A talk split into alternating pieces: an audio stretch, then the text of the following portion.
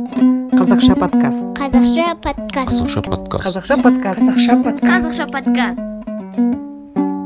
Сәлем тыңдарман. Бұл эпизод саясаттан гөрі азаматтық қоғам туралы болатын шығар. Өйткені ііі мүмкін иә мүмкін саясат туралы да болуы мүмкін.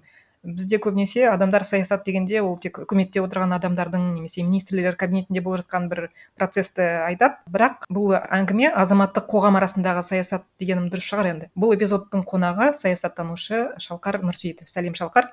Әңгімелесуге келіскеніңіз үшін көп рахмет. Қайырлы күн белла. Ә, қонақ ретінде шақырғаныңызға рахмет. Ә, қолдан келгенше шамамыз жеткенше әңгімелесіп көрейік. Ең бірінші і шалқар жаңа саясат туралы кішкене нақтылап өтсеңіз саясат дегеніміз не? Өкінішке қарай ә, қазақстанда саясатты бір абстракты дүние ретінде қарау қалыптасқан.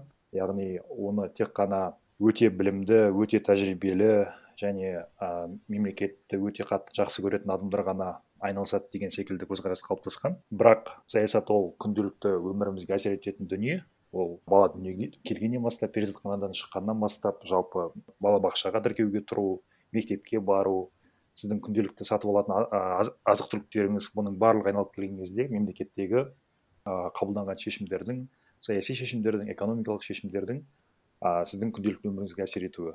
Сонымен қатар тағы бір мәселе а, мемлекетте өзіңізді қаншалықты қауіпсіз сезінесіз? Бұл да тікелей саясатқа байланысты мәселе. Немесе болашағыңызға байланысты уайымыңыз қаншалықты күшті. Егер уайымыңыз ертеңгі күнге байланысты уайымыңыз күшті болатын болса демек а, сіз бұл мемлекетте өзіңізді қауіпсіз сезінесіз деп айта алмайсыз. А, яғни а, бұл мемлекетте өзіңіздің орныңыз қаншалықты деген сұраққа жауап беру қиын деген сөз. Саясат дегеніміз жалпы а, әрбір мемлекеттегі азаматқа өзін осы бір мемлекеттің бөлшегі ретінде сезінуге өзінің ойын ешбір кедергісіз жеткізуге жалпы конституция гарантия берген барлық құқықты қолдана алуға және азамат ретінде өз мін- міндетін сезіне алу мүмкіншілігі. Қысқаша айтқанда осылай айтуға болады деп ойлаймын. Ал енді саясаттың а, аристотель платоннан бастап а, осы кезеңге дейінгі а, ғалымдардың жалпы анықтамасын айтуға болады. Бірақ а, ол көбінесе ғылыми ортада саяси дискурста меніңше орынды деп ойлаймын. Ал бүгінгі біздің азаматтық қоғам үшін саясат дегеніміз мемлекетте қабылданатын шешімдерге әрбір азаматтың қатысу құқығы және қатыса алу мүмкіншілігінің болуы деп айтуға болатын шығар. Жақсы онда тағы да бір терминдердің басын ашып алайықшы. Мәселен соңғы уақытта бізде құндылықтардың құнсыздануы байқалады оның ішінде мысалы ордендер марапаттарға көзқарас өзгерді бізде бұрын мысалы еңбек ері орденін немесе айбын ордендерін алып жатса онда халықтың арасында бір құрмет і болатын сол і иелеріне. Бірақ өкінішке қарай қазір мүлдем басқа. Сосын билік мемлекетшілдік патриотизм сөздерінің де бір теріс реңге ие болып бара жатыр. Мхм. Мысалы былай қарасаң билік дегеніміз не? Ол халықтың еркі емес пе иә? Мхм. Жаңағы сіз айтқан конституцияның өзінде халық ә, биліктің жалғыз қайнар көзі ол халықтың Иә. деп айтылған. Бірақ бізде і көбінесе билік деп айтсақ бірден бір жағымсыз бір образдар еске түседі. Шынын айтқанда бір билік деген атқарушы орган емес халықтың өзі емес пе? Әлде і бәрібір де теорияға емес реализмға сүйеніп бәрібір билік дегеніміз сол біздің і көбінесе і келіспейтін қарсы тұратын жаңағы органдарды айта берейік па билік деп? А, енді бұл мемлекеттегі а, биліктің формасына байланысты яғни а, жалпы алғанда билік дегеніміз ол бір адамдардың адамдардың тобының басқа адамдарға а, қатысты шешімдерді шығара алу қабілеті.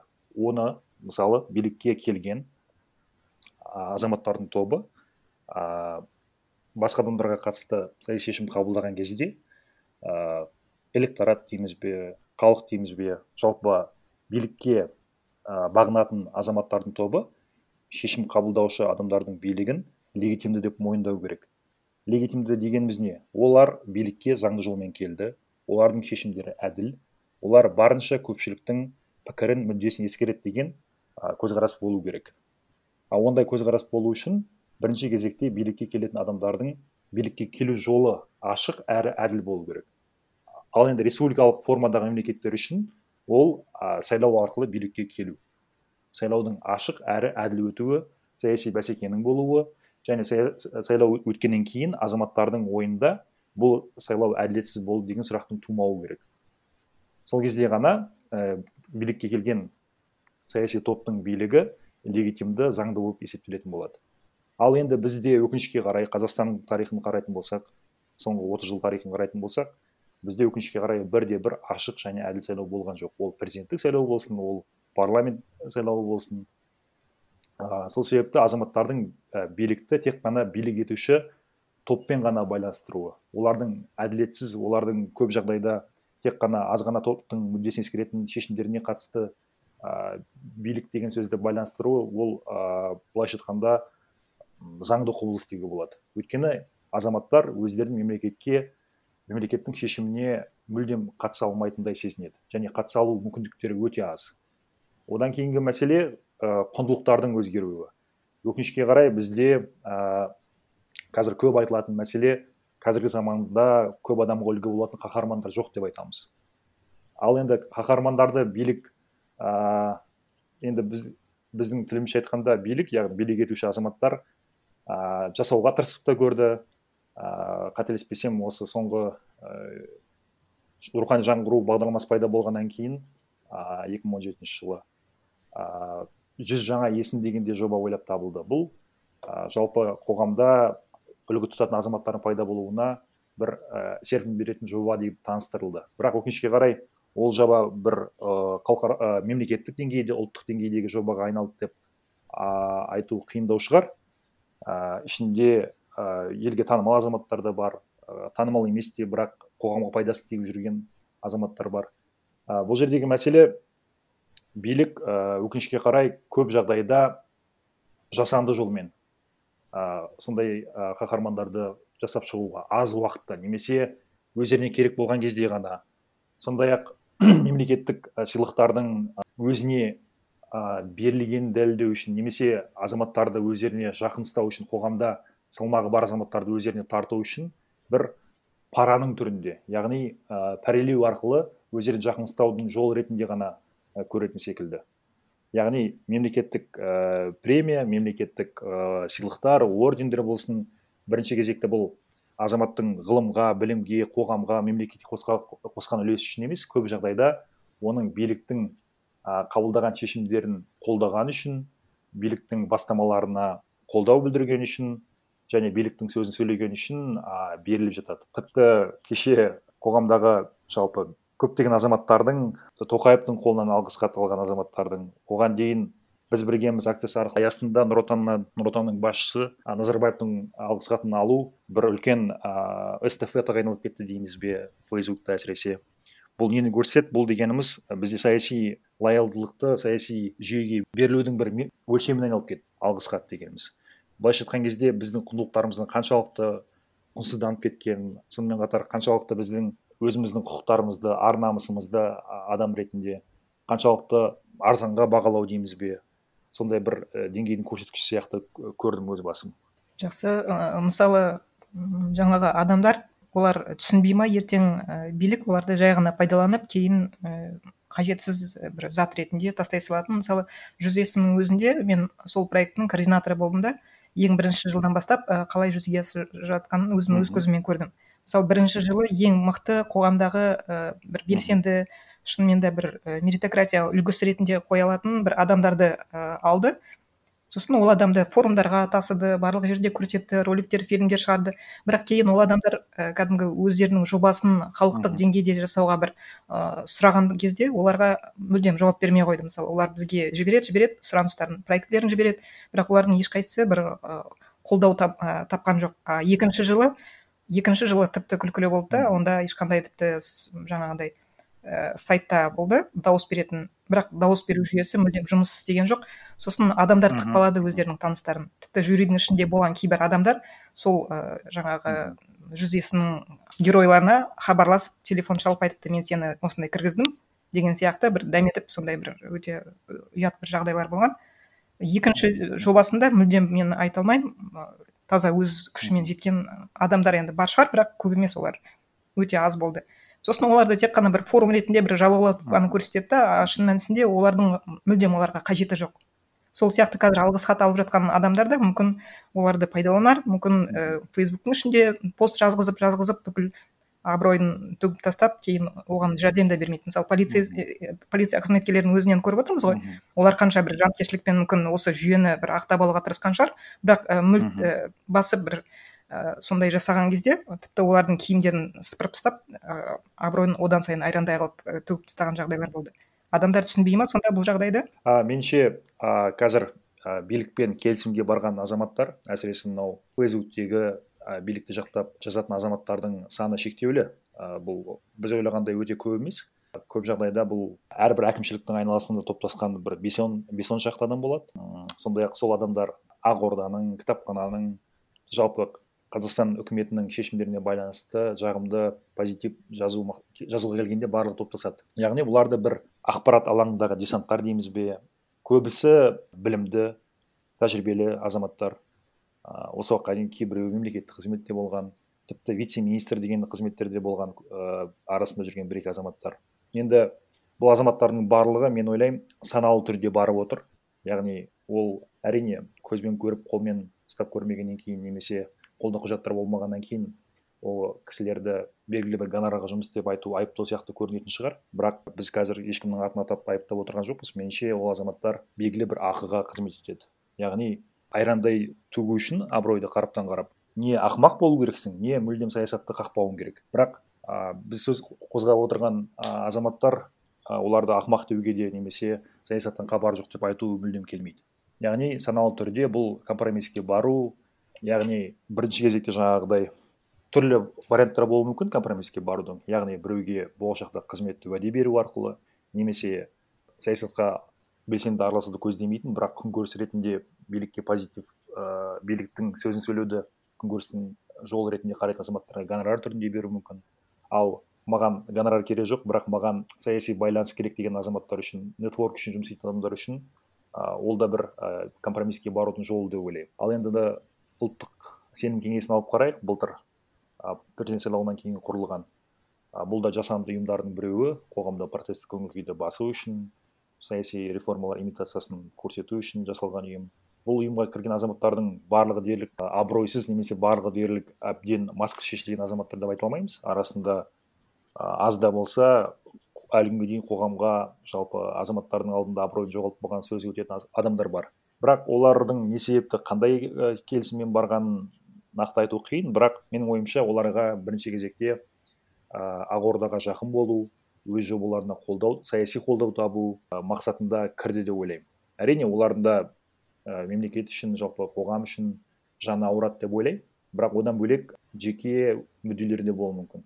Яғни өздерінің коммерциялық жобаларына өздерінің болашақ жобаларына а, саяси қолдау табу арқылы артынша қаржы, қаржылай қолдау табу ниетінде болуы мүмкін. Тағы бір қызық бір жеке оқиғаны айтайын. Маған осы а, екі аптаның ішінде а, фейсбукта кішігірім аудиториясы бар. А, екі азамат маған хабар- хабарласты.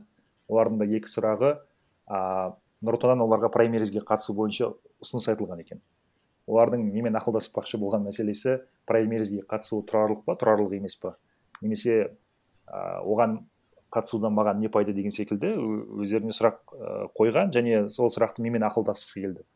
Әрине әркім өз таңдауын жасайды. А, мен ол екі азаматқа да праймериз деген бұл саяси бәсекенің имитациясы екенін жалпы менің жеке өз көзқарасымды айттым. Егер сол саяси ойынға жалпы имитацияны а, әрі қарай қоғамда заңдастыруға қатысқыңыз келсе қатысу өз еркіңіз деген секілді а, ойымды айттым.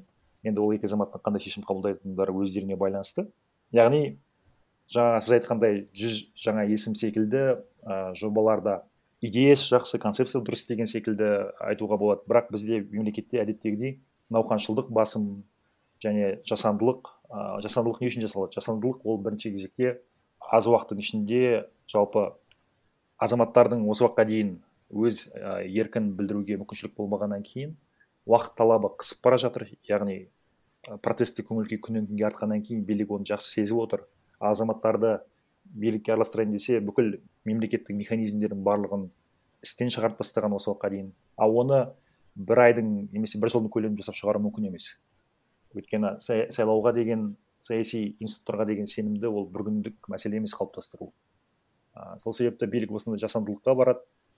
Әрине а, бұл азаматтардың өздеріне де тікелей байланысты. Жалпы егер біз өз еркімізбен ондай ойынға ондай имитацияға қатыспай, қатыспайтынымызды көрсетсек түптің түбінде амал жоқ. Билік етуші азаматтар ақырындап өзіңіз айтқандай халық биліктің көзі қайнар көзі халық деген а, қағидаға а, қағидамен жүруге қарай қадам жасайды деп ойлаймын.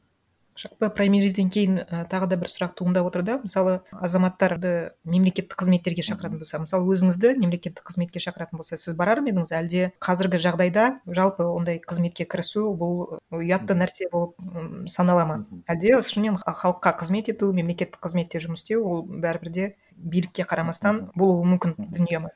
А, жалпы мен болашақта мемлекеттік қызметке а, араласу мүмкін екенін жоққа шығармаймын. Өйткені мен саясаттануды жалпы саналы түрде таңдаған азаматпын. Көбіне саясаттануға бізде заң факультетіне түсе алмай қалған азаматтар келеді көп жағдайда. Мен оқыған кезде солай болған қазір қандай екенін білмеймін. Бірақ мен ә, саясаттануды мектеп жасынан жетінші сегізінші сыныпта жүрген кезде таңдап өз еркіммен өз саналы түрде қабылдаған шешім болған. Оған әке шешем де немесе туыстарым әсер еткен жоқ. Ал енді осы уақытқа дейін маған мемлекеттік қызметке араласуға байланысты ұсыныстар болды. Барлығына мен саналы түрде бас тарттым. Ол орталық мемлекеттік органдарда немесе жергілікті мемлекеттік органдарда болды. Өйткені мен ол жерде жалпы барлығы бірдей жемқор азаматтар немесе барлығы бірдей абыройдан айырылған азаматтар жұмыс істейді деп айтудан аулақпын. Өйткені ол жерде шынымен өз жұмысын жақсы көретін мемлекетке бір пайдасы тигізгісі келетін азаматтар бар жұмыс істеп жүрген.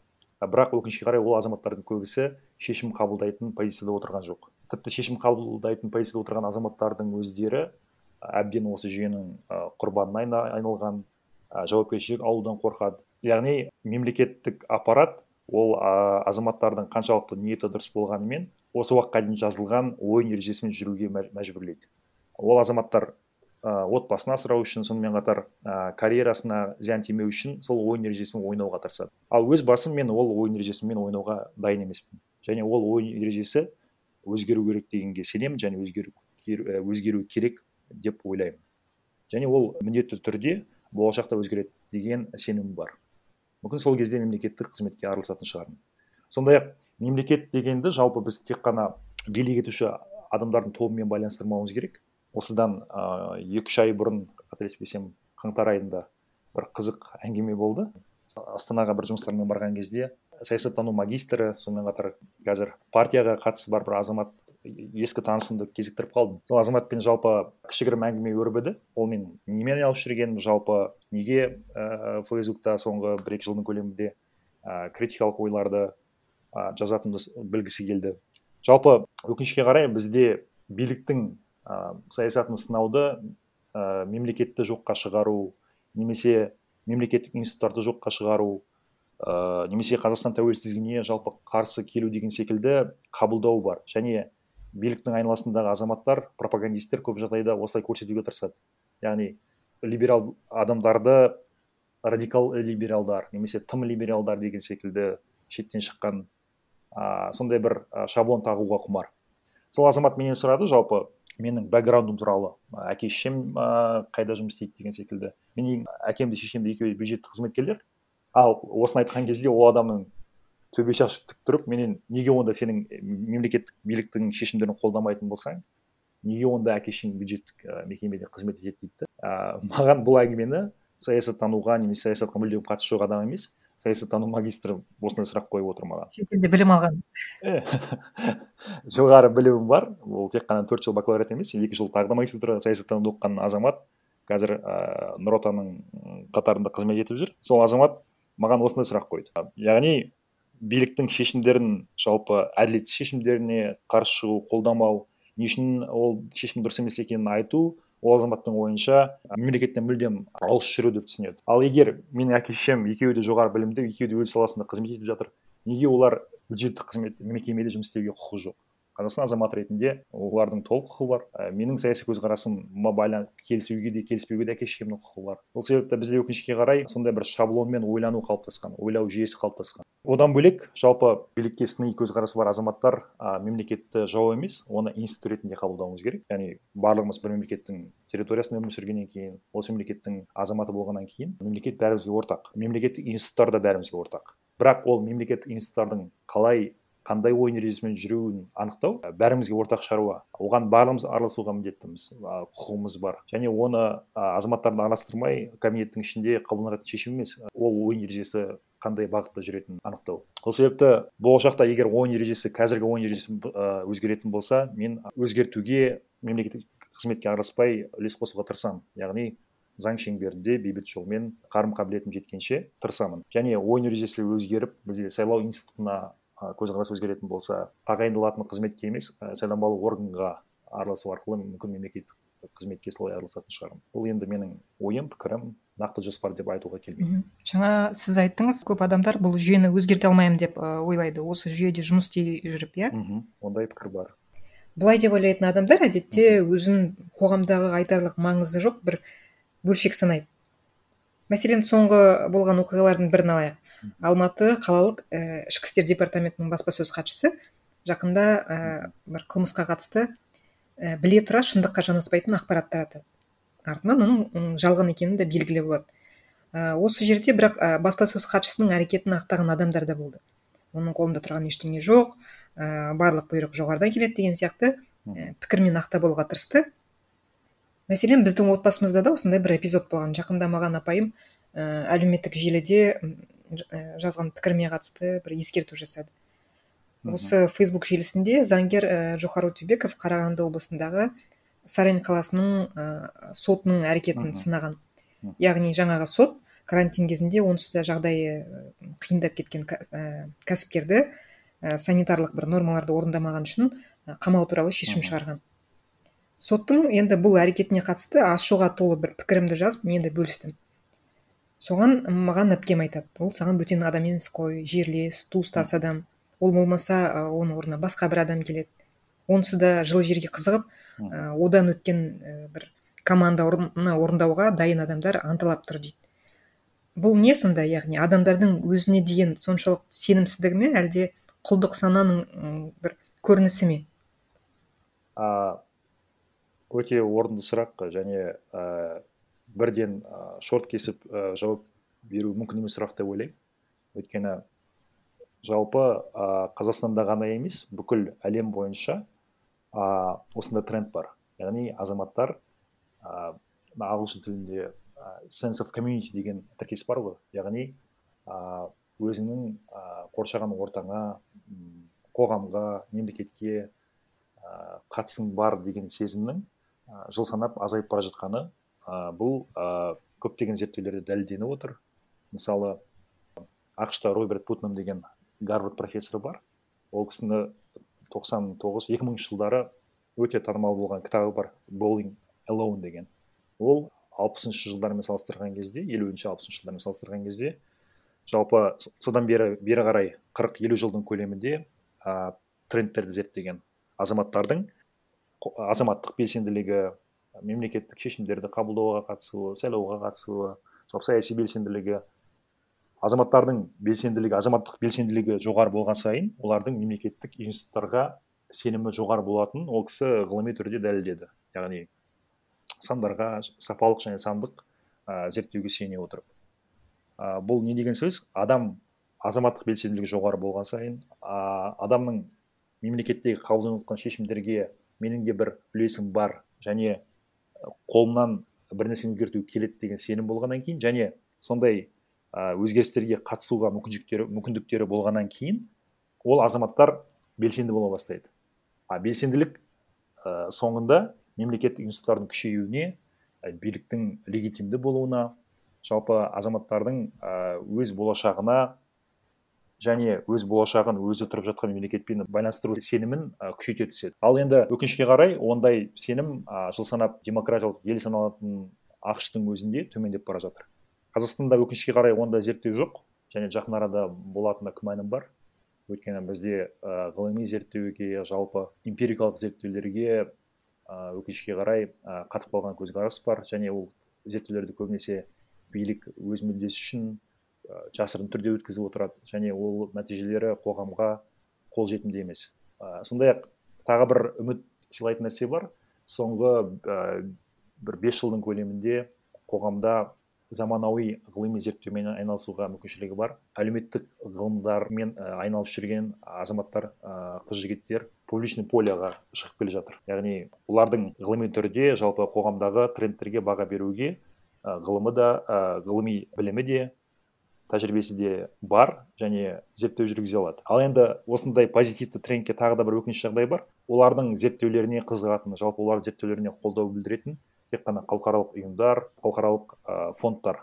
Ал тағы бір бұл жердегі бір і кедергі і бұл і азаматтардың зерттеу жұмысының құндылығына бір кішігірім кері әсер ететін бұл і биліктің айналасында азаматтардың шаблон тағуы. Яғни бұл зерттеу мысалы сорос ұйымның і тапсырыс бойынша салса демек бұлар і госстептің немесе американың мүддесін қолдап қорғап отырған азаматтар деп көрсетуге бір предлог болуы мүмкін. Яғни билік өзі басқа бір үнді естігісі келмейді ғой. Мысалы оппозиция болып і сынайтын болса ол і жаңағы радикалдар. Егер і ғалымдар бір зерттеу жасап і халықаралық қорлардан і қаражат алатын болса олар сатылған бір топтар деп қабылдайды. Иә өкінішке қарай сондай көзқарас бар. Яғни ол зерттеулер ғылыми фактілерге негізделгеннен кейін ол зерттеулер биліктің шешімдерінің дұрыс емес екенін дәлелдейтін болғаннан кейін билікке қатысы бар азаматтардың арасында негатив туғызады. Яғни жалпы адам баласы өзінің қателігін мойындауды жақсы көрмейді ғой. Сол секілді осы уақытқа дейін біздің ә, шешімдеріміз ең сауатты ең салиқалы шешімдер біздің шешімдер деп келген азаматтардың тобы ол зерттеулерді қабылдағысы келмейді. Ол түсінікті жаңағы өзінің билігіне көлеңке тигізеді өзінің қабілетіне байланысты көп сұрақтар туғызуы мүмкін. Бірақ оны зерттеулер бізге керек өйткені альтернативті пікірлер болу керек. Қоғамда дискурста талқылау жоғары деңгейге шығу үшін біз сүйенетін зерттеулер болу керек.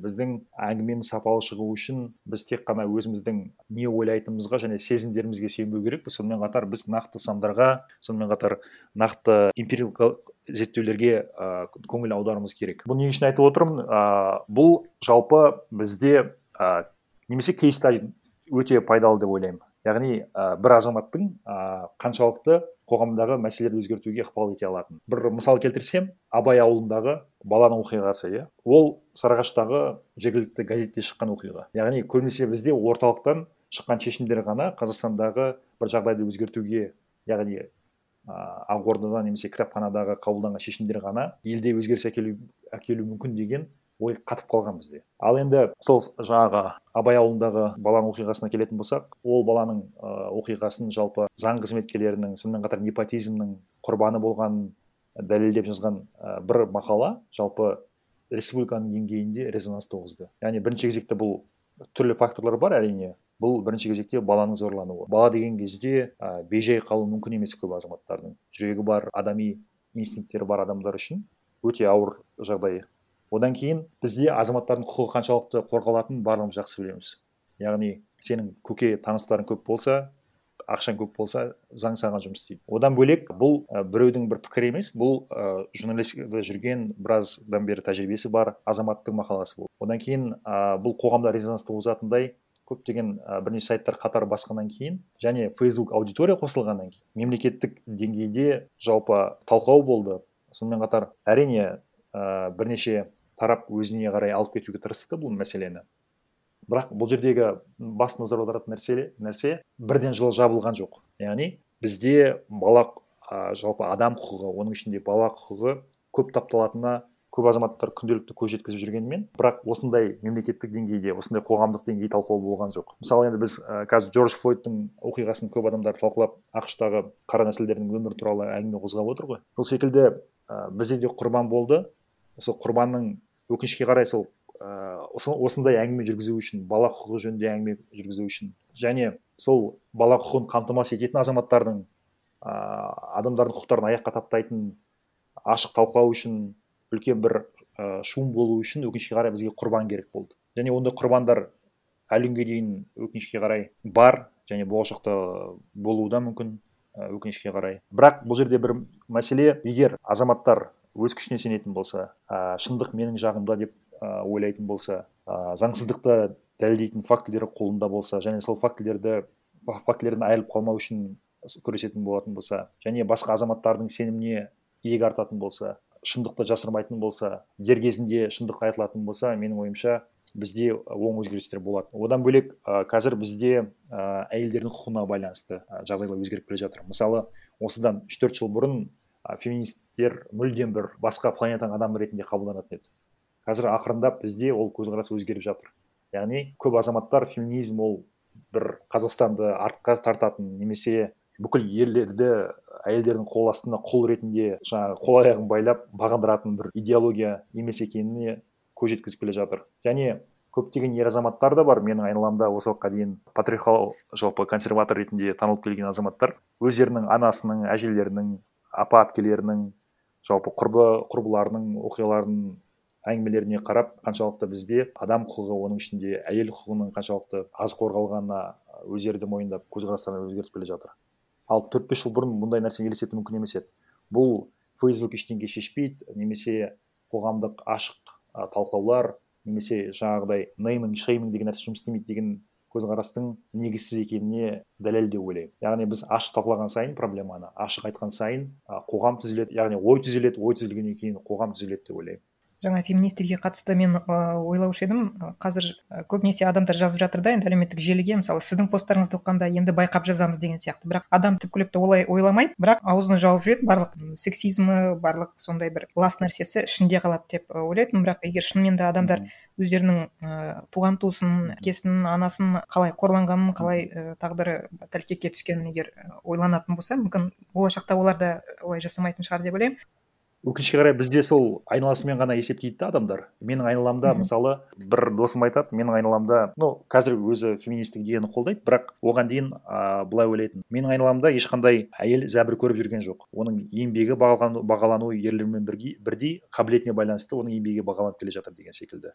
Бірақ біз өз айналамызбен ғана өлшейтін болатын болсақ онда қоғамдық өзгеріс жасау қиын болады. Өйткені ауылдық жердегі қалалық жердегі жалпы бұл проблема бар жерде бар. Бұны мойындау керек айту керек және бұл айтылған әңгімелер ә, заңнама түрінде көрініс табу керек. Яғни қоғамдық талқылау түптеп келген кезде бұл саяси шешімдерге әкелу керек. Жалпы мен айтайын дегенім біз айналамызға қарап шешім қабылдайтын болсақ немесе менің айналамдағылардың бәрінде феминистерге көзқарасым дұрыс дейтін көзқарас болатын болса немесе әйелдердің құқығы қорғалады дейтін болсақ онда бір қазақстан керемет әлем бір тамаша сияқты көрінеді де. Бұл ы, бір жал- жалған иә жалған көзқарас қалыптасқан шенеуніктердің риторикасы ғой. Барлығы нормально неге шыға бересіңдер иә деп сондай көзқарас бар сияқты. өкінішке қарай. Енді құрбандарға келейікші. Мысалы былтырдан бері қаншама протесттерге қатысып жүрдік қаншама қудалауды көріп жүрдік. Сонда мен ойлайтынмын егер бір құрбан шықса мүмкін кім біледі ол кім болатыны. Бірақ сонда адамдар мүмкін шығатын шығар мүмкін протест одан сайын күшейетін шығар деген сияқты. Ол жағдай болды. Бізде дулат ағаділдің өлімі бір адамдарға әсер еткен сияқты болды. Бірақ оның да арты сиыр құйымшақтанып кетті да тіпті адвокаттың өзі ешқандай түсінік те берген жоқ. Ең артымен мүлдем жоқ болып кетті. А ол бүгінгі күнге дейін бір герой. Сонда бізде құрбан болу жеткіліксіз ғой. Әлі де ондай бір жағдайлар болып жататын болса. Мысалы әлнұрдың өзі кез келген адамның о- оның орнында болуы мүмкін. Еді асияда сондай. Бірақ бізге құрбан і жетіспей жатыр ма? Мүмкін құрбаннан басқа бір нәрсе керек шығар. Менің ойымша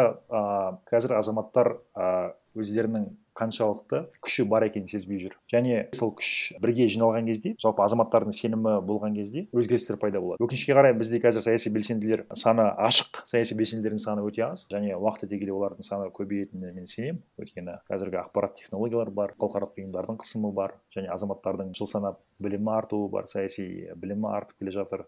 Бұның барлығы сонымен қатар назарбаевтың биліктен кетуі де өте үлкен фактор болды. Елдегі жалпы билікке деген қорқыныштың өз ойын ашық айтуға деген қорқыныштың біртіндеп азаятынына алып келетініне сенемін. Ал енді құрбандар өкінішке қарай бізде жеткілікті деуге болады. Бұған дейін Зам- заманбек нұрқаділовтің алтынбек сәрсенбаев және елге аттары танымал емес бірнеше а, журналистердің саяси белсенділердің халықаралық ұйымдар жалпы саяси өлім деп таныған кейстер бізде жеткілікті. Және осы жылдың басында дулат ағаділдің қазасы жұмбақ қазасы бұл да бір үлкен і триггер болды деп ойлаймын жалпы азаматтардың өз өзіне сұрақ қоюына. Ал енді сол сұрақ қою жалпы биліктің шешімімен келіспеу өз ойын ашық айту бір жолға түсуіне жалпы оның институт деңгейіне жету үшін біршама уақыт керек. Яғни бізде көбінесе тоталитарлық жүйеден шыққан біздің әке шешелеріміз өз- өздері сол тоталитарлық жүйеде туылды білім алды еңбек жолын бастады. Олардан туған біздің ұрпақ әлі күнге дейін ә, жалпы қатарластарымыз өз ойын ашық айтуға қорқады. Ә, көбінесе әңгіменің барлығы whatsapp группаларда шектеледі. Ол фейсбукқа жетпей қалады ол әңгімелер. Тіпті лайк басуға қорқатын. Сенің пікіріңді қолдайды бірақ ә, кейде азаматтар бар. Күлкілі жағдай әрине одан ешкім ешкімнен лайк дәметпейді ғой. Бірақ мені қуантатыны азаматтардың өздерін ыңғайсыз сезіну деген бар. Яғни ойыңа келсем бірақ мен ашық білдіре алмаймын. Ондай азаматтар мемлекеттік қызметте жүрген азаматтардың қатарында да бар. Яғни бізде қазіргі деңгейде қоғам деңгейінде ішкі процесс әлі біз қорыту үстіндеміз. Ішкі процесс жалпы өз өзімізге сұрақ қою ол өте пайдалы. Ал енді мынау ақш тың өзінде мысалы елу алпысыншы жылдары алпыс жетпісінші жылдары қара нәсілдердің жалпы мартин лютер кинг бастаған және бағыт тағы да басқа саяси белсенділер өте табысты жүргізген он жиырма жылға созылған қозғалыс болды саяси еркіндікті талап етіп. Негізі ол қозғалыс мың тоғыз жүз жиырмасыншы жылдары пайда болған. Ал ол жаңа ұрпақ алмасқаннан кейін мартин лютер кинг секілді азаматтары пайда болғаннан кейін ол қорғаныс жаңа бір і күшпен саяси өзгеріс алды. Ал енді қазір арада қырық елу жыл өткеннен кейін қаралардың өмірі маңызды деген қозғалыс пайда болды. Яғни проблема қаралардың қараларды кемсіту бұл институт деңгейіне айналып кеткеннен кейін ол проблеманы бір күнде бір жылда немесе бір ғасырда шешу мүмкін емес. Бірақ осы қаралардың өмірі маңызды деген қозғалысты қарайтын болсақ тарихына бұл хештег кампейн ретінде басталған екі мың он үшінші жылы. Одан кейін арада жеті жыл өтті қарап отырмыз бұл кәдімгідей әлеуметтік желіде басталған хештег кампейн үлкен саяси қозғалысқа күшке айналды. Әрине біз ақш тың контекстін ескеруіміз керек ол жақта сөз бостандығы және бірнеше саяси күштердің болуы а, сонымен қатар ә, елге танымал азаматтардың өзінің позициясының болуы барлығының саяси көзқарастарын ашық айтуға ерік жігердің болуын ескеруіміз керек. Ол жақтағы саяси және азаматтық белсенділіктің тарихы бар қалыптасқан дәстүрі бар. Ол жақта ә, біздегідей саяси белсенділер қысым көреді деп айта алмаймыз. Бірақ оның барлығына ақш азаматтары үлкен ә, бірнеше жылға ғасырға созылған ә, күрестің нәтижесінде қол жеткізді. Яғни әр мемлекеттің азаматы ә, жүріп өтетін өз жолы бар. Біздің жалпы енді салыстырмалы түрде параллель ретінде қарайтын болсақ ақш та қаралардың саны үлес саны он үш процент дейтін болсақ жалпы бізде қазақстанда өкінішке қарай сол қара нәсілдер секілді теперішік көріп жүрген азаматтар өте көп. Ол ақш тағыдай он үш процент қаралар сияқты емес бұл басым көпшілік азаматтар. Яғни мемлекеттік билікке немесе ұлттық компанияларға қатысы жоқ. Бірақ мемлекеттің шешіміне жалпы саяси өміріне қатысқысы келетін азаматтар бізде көп деп ойлаймын. Бірақ олар қалай қатысу жолы екенін әзірге білмейді. Оның қатысу жолдарын іздестіріп жатыр. Біреу әлі күнге дейін өз өзіне сұрақ қойып жүр. Енді өкінішке қарай әзірше бізде митинг деген бір құбыжық дүние секілді. Бірақ уақыт өте келе ол да бір қалыпты дүниеге айналатын. Бірінші кезекте азаматтардан бөлек билік ол түсінікке келеді деп ойлаймын. Өйткені митинг ол ешқайда кетіп қалмайды. Немесе протест митингті қанша шектегенмен протесттік көңіл күй ол бір ауа ретінде буланып жоқ болып кетпейді. Ал протесттік көңіл күйді бағыттайтын каналдар керек. Ол каналдың бірден бір жолы митингі және азаматтардың саясатқа араласуға мүмкіншілігінің болуы. Яғни кез келген азаматтың саяси қызметке сайлау арқылы келуге мүмкіншілігінің болуы. Бұл бізде саяси құлдық арқылы соңғы қабылданған саяси партиялар туралы сайлау туралы ә, заңдар өкінішке қарай саяси құлдықты бізде заңдастырып қойды. Яғни егер сайлану арқылы мемлекеттік қызметке араласқыңыз келсе онда сіз белгілі бір партияның мүшесі, мүшесі болу керексіз. Иә бізде өкінішке қарай репрессия күннен күнге артып бара жатыр. Бірақ одан бөлек азаматтардың өз ойын ашық айтуға деген трендтің пайда болуы меніңше қуанатын жағдай. Одан бөлек айдос сарым мысалы мына оян қазақстан және сіздің қозғалыстарыңызға байланысты одан бөлек ә, тағы да басқа саяси белсенділерге байланысты хипстерлер немесе жаңағы кофейнядан шықпайтын азаматтар деген секілді бір шаблон тағуға тырысып жатыр. Бірақ ә, мен бір нәрсені айтқым келеді. Ә, жастардың жалпы осындай ұйым құруға қозғалыс жасауға тырысуы бірінші кезекте жастардың арасында ә, қорқыныштың азаюына. Тіпті ә, жаңағыдай фэнси дейміз ғой бір сәнді дүниеге айналып келе жатқандай болды да. Яғни ә, саяси белсенді болу ол бір жаңа тренд жаңа бір мода. Бұл өте маңызды нәрсе деп ойлаймын. Яғни саясатпен ә, парламентте ұйықтап отыратын немесе ә, ақордада тығылып алып шешім қабылдайтын азаматтар емес арамызда жүрген азаматтар да қатыса алатын олардың да өзінің ойы бар екенін олардың да олардан ешқандай кем емес екенін жастарға бір ә, месседж ретінде жеткізуге меніңше тамаша ә, бір жол, жол деп білемін. Яғни бізде саяси қозғалыстар көптеп пайда болған сайын азаматтардың бірге бірігу жолдарын іздестіруі өте маңызды нәрсе. Жаңа сіз айттыңыз і көбінесе протест көбейіп келе жатыр деген сияқты. І оптимистік ойлар сізде өте көп. Бірақ дегенмен мысалы жаңа сол протесттің шығатын жолдарының ең қауіпсіз жолдарының бірі біреуі митинг болатын болса екіншісі сайлау иә? Мысалы былтыр сайлаудың кезінде өте көп жаңағындай заң бұзу фактілері тіркелді әсіресе сайлау комиссиялары тарапынан. Осы сайлау аяқталғаннан кейін біз і қорытындылап жалпы тәуелсіз і бақылаушылармен кездесіп түрлі ұйымдармен кездесіп тренинг өткізген болатынбыз. Сол кезде сұрақ і бір факті бойынша тәуелсіз бақылаушыларды ақтайтын шешім шықты ма деп өте көп ііі жаңағы сотқа шағым жасалды. Бірақ оның ішінде ешқандай да бір шешім болмаған бір ғана ұйым емес. Бізде мысалы төрт бес ұйым бар. Сол төрт бес ұйым жаңағы ұйымның ішінен бір кейс болмаған.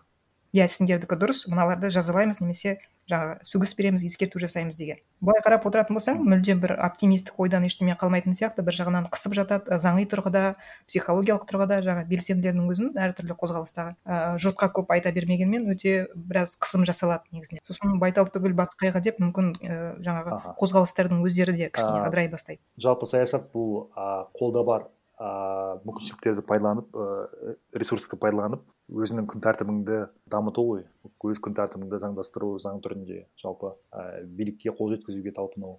Енді әрине саяси белсенділер мен мемлекеттік аппараттың жалпы қазіргі билік етуші топтың режимнің күшін салыстыруға келмейді. Түсінікті билік етуші адам, адамдар осы уақытқа дейін ә, қанша тәжірибе жинақтады әкімшілік мүмкіншіліктері бар қаржылай мүмкіншіліктері бар. Өздеріне қарсы шыққан кез келген топты басып жаныштауға олар дайын. Бірақ сонымен қатар саясат бұл психологиялық бір күрес десек болады. Яғни олар өздерінің арасында өз күшіне билігіне сенімсіздік пайда болатынына мен толық сенемін және ол өздерінің күшінің шектеулі екеніне ресейдегі оқиғалар немесе басқа да демократиялық емес мемлекеттердегі а, трендтерді қадағалап отыр деп ойлаймын. Яғни олар психологиялық тұрғыдан өз азаматтарынан қорықпаса да халықаралық ұйымдардың қысымынан қорқады.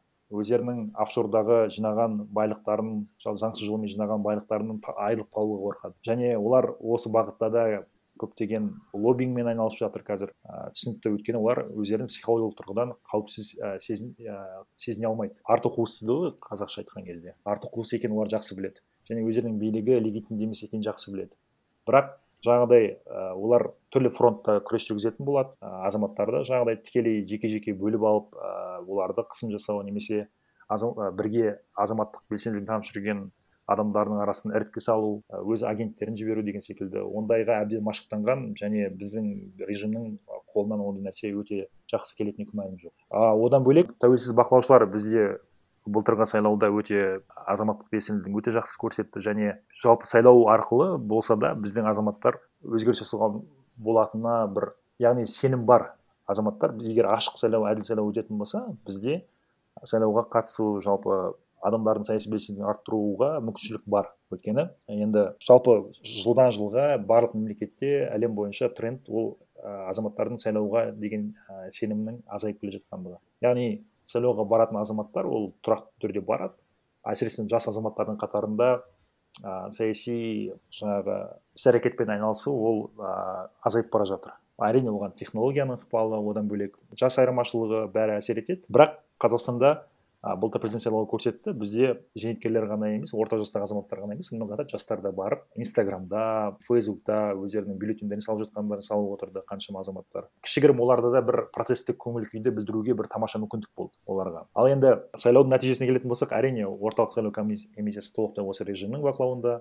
Оның төрағасын және і қателеспесем екі орынбасарын президенттің өзінің тағайындауы. Бұл әрине і сайлаудың қаншалықты әділ өтетіні туралы көптеген күмән және орынды сұрақтар туғызады. Яғни біз бірінші кезекте егер саяси өзгеріс қалайтын болса сайлау институтын қалыптастыруымыз керек. Бұл жергілікті жерден орталық мемлекеттік органдарға дейін. Яғни әкім қаралардан бастап ә, президент сайлауына дейін бізде ашық өтетін жалпы механизмдерді орнатуға күш салуымыз керек. Сондай ақ қазіргі алда тамызда болатын сенат депутаттарын сайлауы оған 254 миллион теңге жұмсалып жатыр да мысалы аз ақша емес. Бірақ оны жергілікті мәслихат депутаттары сайлайды оны қалай сайлайды? Жергілікті мәслихат депутаттары көбінесе әкімнің нұсқауымен әкім кімді қолдайды немесе әкімге кім әкімнің жүрегіне және ақордаға кім жол табады.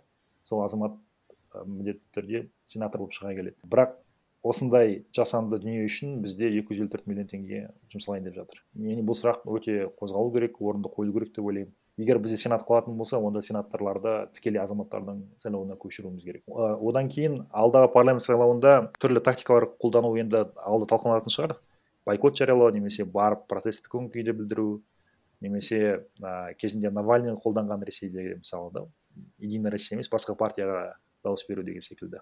Ал енді мен ойлаймын біздің саяси белсенділерге менің ойымша саяси белсенділерге және тәуелсіз бақылаушыларға а, мынау ресейдегі демократиялық қозғалыстардың да тәжірибесіне идеяларына құлақ түріп жүрген дұрыс болатын шығар пайдалы болатын шығар. А, қазір оларда м, навальныйдың командасы сайлау комиссиясының мүшелерінің арасында үгіт насихат жұмысын бастап жатыр. Яғни а, путин режимінің бүкіл сайлаудағы махинацияларын жоққа шығаруға атсалысуға шақырып жатыр. Былайша айтқан кезде сайлау комиссиясы мүшелерінің арасында протестті протест көңіл күйді жарыққа шығару. Әсіресе бұл ә, сайлау комиссия, комиссиясының құрамында қазақстандағыдай ресейде де мектеп мұғалімдері бюджеттік қызметкерлер атсалысады. Яғни соларға барынша сайлаудағы махинациялар сайлаудағы заң бұзушылықтар сол сайлау комиссиясы мүшелерінің өміріне олардың отбасына ә, жалпы ресейдің болашағына қаншалықты зиян келтіретінін ә, түсіндіру үшін ә, жұмыс басталып кетті.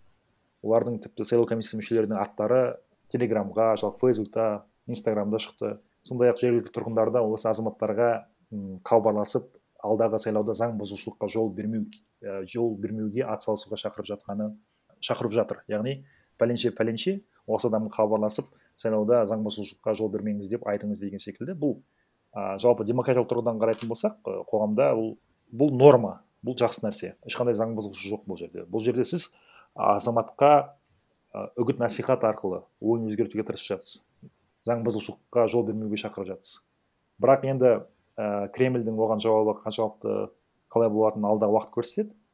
Енді олар барынша сайлау комиссия мүшелерін алмастыруға немесе оларды билікке берілуін арға жалғастыру үшін еңбек ақысын көтеруге мүмкін ә- әкімшілік тәсілдермен қысым жасауға тырысатын шығар. Бірақ оған қарамастан ресейде демократиялық күштер талпынып көреді деп ойлаймын. А, меніңше біздегі де қозғалыстар а, ресейдегі жалпы демократиялық қозғалыстардың іс әрекетіне де а, бір көзбен бақылап жүрген дұрыс шығар. Ә, менде тағы бір сұрағым бар еді. Жалпы сіз өзіңіз саясаттанушысыз иә? Сіз бейтарап, бейтарап ә, тарапсыз сіз ешқашан бір ә, топтың немесе бір жақтың ә, сойылын соқпайсыз. Бірақ көбінесе сіз билікті сынайсыз да оппозицияны көп сы- ә, сынамайсыз мүлдем сынамайсыз. Оның себебі неде? Жығылғанға жұдырық болмайын деу ма? Әлде бізде шынында да оппозиция идеал болмаса да енді көңіліңізден шыға ма? Менің ойымша а, жалпы бізде а, осы назарбаев биліктен кеткеннен кейін а, назарбаев кезеңінде а, оппозициялық күш болған азаматтар да тарихи сахнадан бірге а, кетіп жатыр деп ойлаймын. Яғни енді шартты түрде айтсақ жаңа толқын қалыптасып келе жатыр және олардың қатары толығатынына күмәнім жоқ болашақта. Енді мен оппозицияны сынау дегенде оппозицияның жалпы айтып жүрген көзқарастары ойлары дұрыс деп ойлаймын. Яғни олар биліктегі м, көптеген а, заң бұзушылықтарды жалпы азаматтарға пайда әкелудің орнына зиян келтіретін олардың құқығын шектейтін дүниелерді сынап жүр. Яғни а, олардың тарапынан да қолынан келгенше қазір оппозицияның артында тұрған мен күштерді көріп тұрған жоқпын. Қаржылай болсын жалпы басқа да қолдау білдіретін. Сондай ақ бізде оппозиция енді бір институт ретінде қалыптасқан жоқ бірақ парламенттегі күлкілі заң жобасының қабылдануы қалжыңдап айтқанда азат перуашевті басты оппозиционер ретінде бекітіп беру бұл а, өкінішке қарай а, демократиялық құндылықтарға бір түкіру ретінде өз басым солай қабылдадым. Және оппозицияны онсыз да менен басқа сынап жүрген немесе жаңадан пайда болған белсенділерді биліктің жобасы деген секілді шаблон тағу бізде әдетке айналып кетті және бір тренд десе де болады. Өз басым мен ол азамат қазақстанның тәуелсіздігіне күмән келтірмейтін болса қазақстанның территориясын заң жаңағы конституциялық құрылымын күштеп өзгертуді қолдамайтын болса а, сондай ақ басқа адамдар, адамдардың ә, өміріне таңдауына құқықтарына құрметпен қарайтын болса ол азаматтың саяси күш болуға талпынуында талпынуын қолдаймын. Бізде саяси күштер көп болу керек. Ал оларға мен басқа азаматтармен қосылып ә, жаңадан пайда болған саяси белсенділерге мен де қосып шаблон тағатын болсам мен ойлаймын осы елдің азаматы ретінде жалпы саясаттанушы ретінде мен елдегі демократиялық өзгерістердің алға жүруіне бір кішкене де болса да кері үлесімді қосқым келмейді. Сондай ақ мен өз болашағымды бұл мемлекетпен байланыстырамын. Жалпы патриотизм туралы да кішігірім сөз қозғадық қой. Патриотизм деген ол өкінішке қарай қазір а, кім мемлекеттік билікке және мемлекеттік бюджетке жақын патриотизм, патриотизм туралы әңгімені солар көбірек қозғайды. Ал патриотизм менің ойымша өзіңнің болашағыңды ертеңгі күніңді өзің тұрып жатқан елмен жермен байланыстыру және сол ортадағы проблеманы шешуге өз үлесімді қоса аламын деген сенімнің болуы және сол сеніміңді іске асырылатындай механизмдердің болуы. А бізде сондай механизмдер пайда болған кезде проблемаларды шешу жалпы оң жолға қойылады деп ойлаймын. Одан бөлек біз ескеруіміз керек жалпы демократиялық қозғалыс тек қана саяси белсенділердің көптеп болуымен ғана емес жалпы а, бірнеше фактор бар. Бұл а, бай мен кедейдің арасындағы айырмашылық бізде. Одан бөлек а, бүкіл әлемде тренд бар. Бұл social capital яғни адамдардың арасындағы байланыстың азайып бара жатқандығы.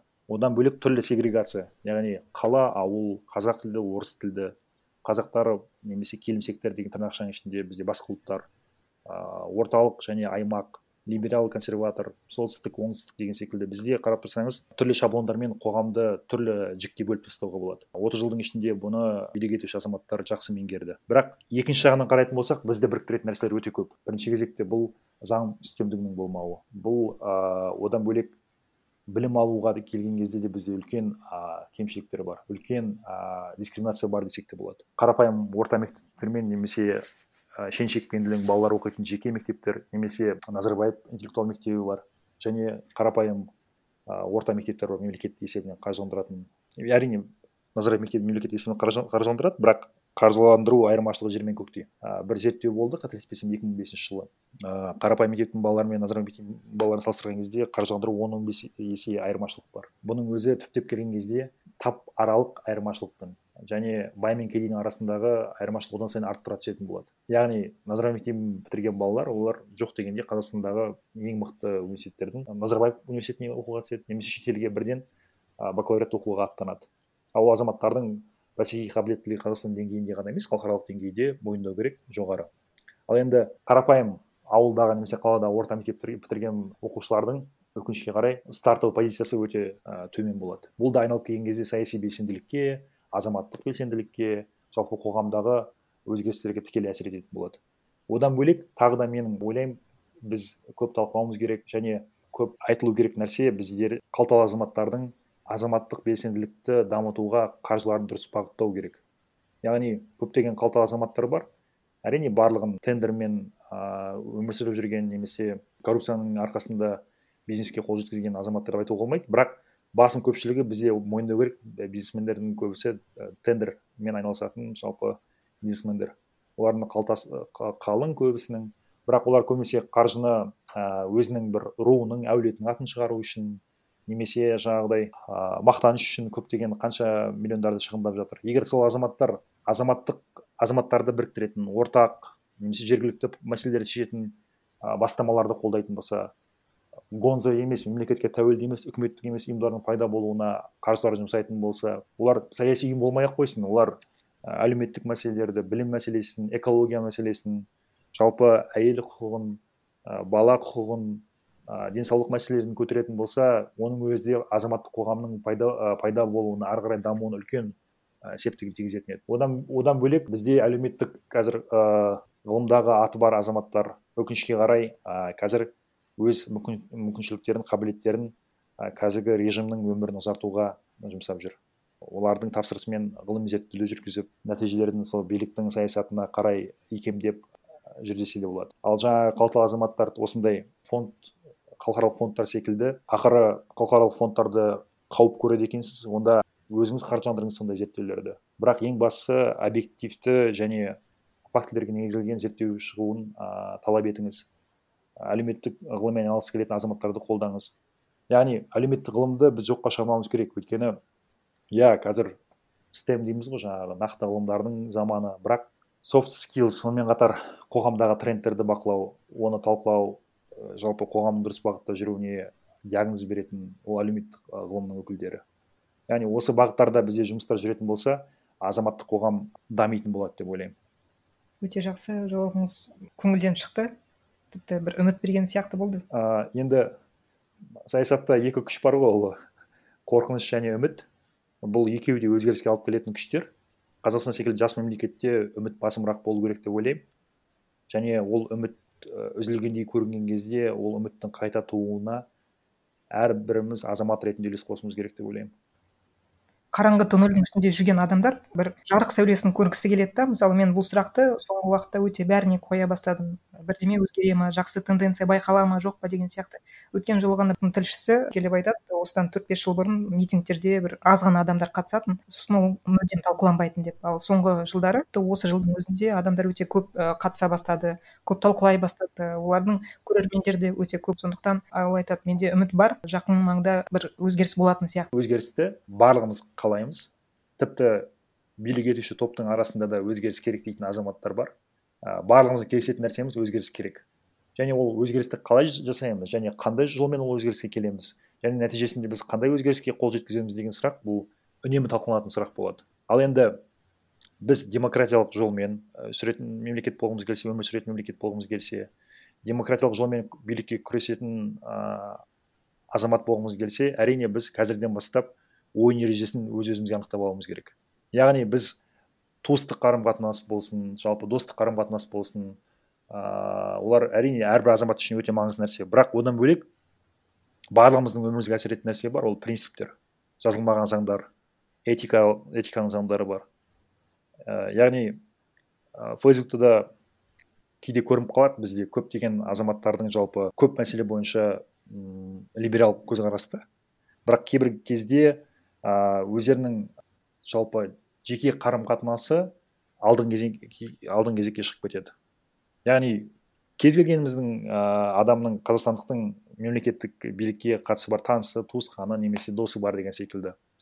Ал мемлекеттік мәселеге келген кезде жалпы адамзаттық құндылықтарға келген кезде бірінші кезекте принциптер алға шығу керек деп ойлаймын. Жақсы сөзіңіздің төркінін түсіндім.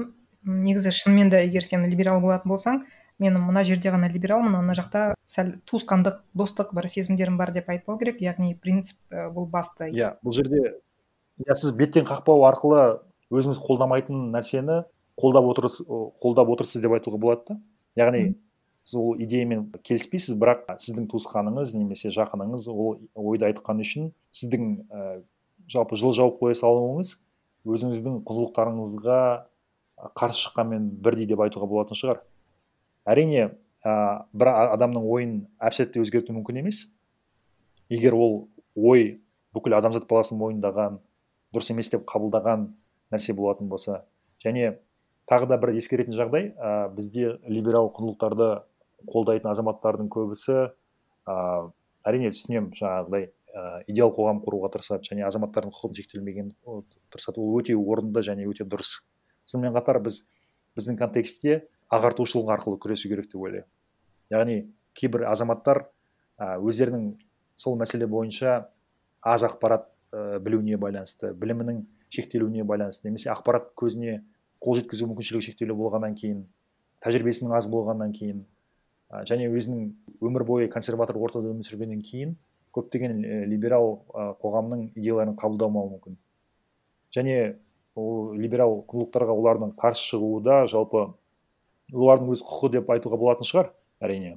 Бірақ ол өкінішке қарай бізде либерал құндылықтар тек қана бір ә, батыс мемлекеттеріне ғана жарасатын немесе сол ортаға ғана тән құндылықтар секілді. Бірақ бірінші кезекте бұл адам құқығы дегеніміз бұл бүкіл азамат адамзат баласына тән және ұлтына жынысына дініне нәсіліне қарамай барлығына ортақ дүниелер. Ол құндылықтарды бірінші кезекте қазақстан билігі түрлі халықаралық актілерді заңнамаларды ратификациялау арқылы мойындап қойған қабылдаған яғни ағартушылық жолмен жүретіндей бүкіл адамзат баласын ә, ешбір кемсітуге жол бермейтіндей мемлекет құруға ниетті екенін танып қойған қазақстан мемлекеті тоқсан бірінші тәуелсіз алғаннан кейін қаншама біріккен ұлттар ұйымының тағы да басқа халықаралық ұйымдардың заңнамаларын бекітіп қойған қазақстанның парламенті. Яғни бізде тіпті мынау ә, кезінде қатты талқылау болды ғой ә, митингке байланысты ә, евгений жовтис ә, шетелдіктердің митингке қатысу құқығын қолдау үшін әдейі заңнама жобасын ұсынып отыр деп. Шын мәнісінде ә, осы митингіге байланысты жалпы адам құқықтарын ә, байланысты қателеспесем жеті халықаралық заңнаманың алтауын қазақстан ратификациялап қойған. Яғни ол жерде ә, кез келген азамат қай жерде болмасын әлемнің кез келген түкпірінде өзінің басты фундаменталды құқықтарының шектелуіне ә, жол бермеуге және оны сол өзі өмір сүріп жатқан ортадан талап етуге құқығы бар. Осыны ескеруіміз керек. Яғни адам құқығы деген сөз қозғалған кезде ол міндетті түрде бір ә, тек қана ә, батыстан келіп жатқан жел деп соғып жатқан самал жел деп қабылдамауымыз керек. Яғни адам құқықтары бұл немесе билік немесе саясат бұл абстрактілі ұғымдар емес әрбір адамда болуы тиіс оған ұмтылуы тиіс нәрсе болу керек. Әрине әрқайсымыз өзіміз шама шарқымызша ыыы ағартушылықпен айналысып шама шарқымызша білімімізді арттырып жалпы азаматтық белсенділік деген не ол? Ол өзінің айналаңдағы ә, келіспейтін дүниелерге ұнамайтын дүниелерді жақсы жаққа бұруға жақсылыққа қарай өзгертуге талпыну және сол талпыныстар жолында кедергі пайда болған кезде ол кедергілерді жеңе білу. Одан бөлек бізде қазір ә, волонтерлық қызмет ә, кішігірім бір ә, әсіресе мынау мен байқағаным ә, қалалық ортада бір трендке айналып келе жатыр.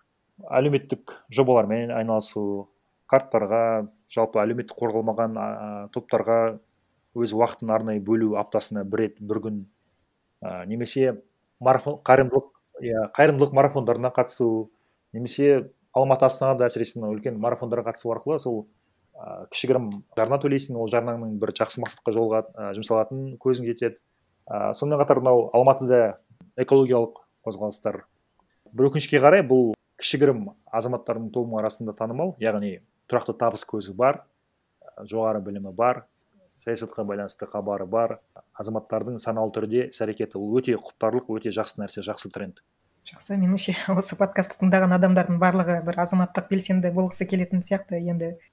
Осы бағытта жүретін болсақ меніңше ыыы бізде барлық мүмкіншіліктер бар қазақстанда. Құдайға шүкір ыыы жеріміз бай еліміз бай.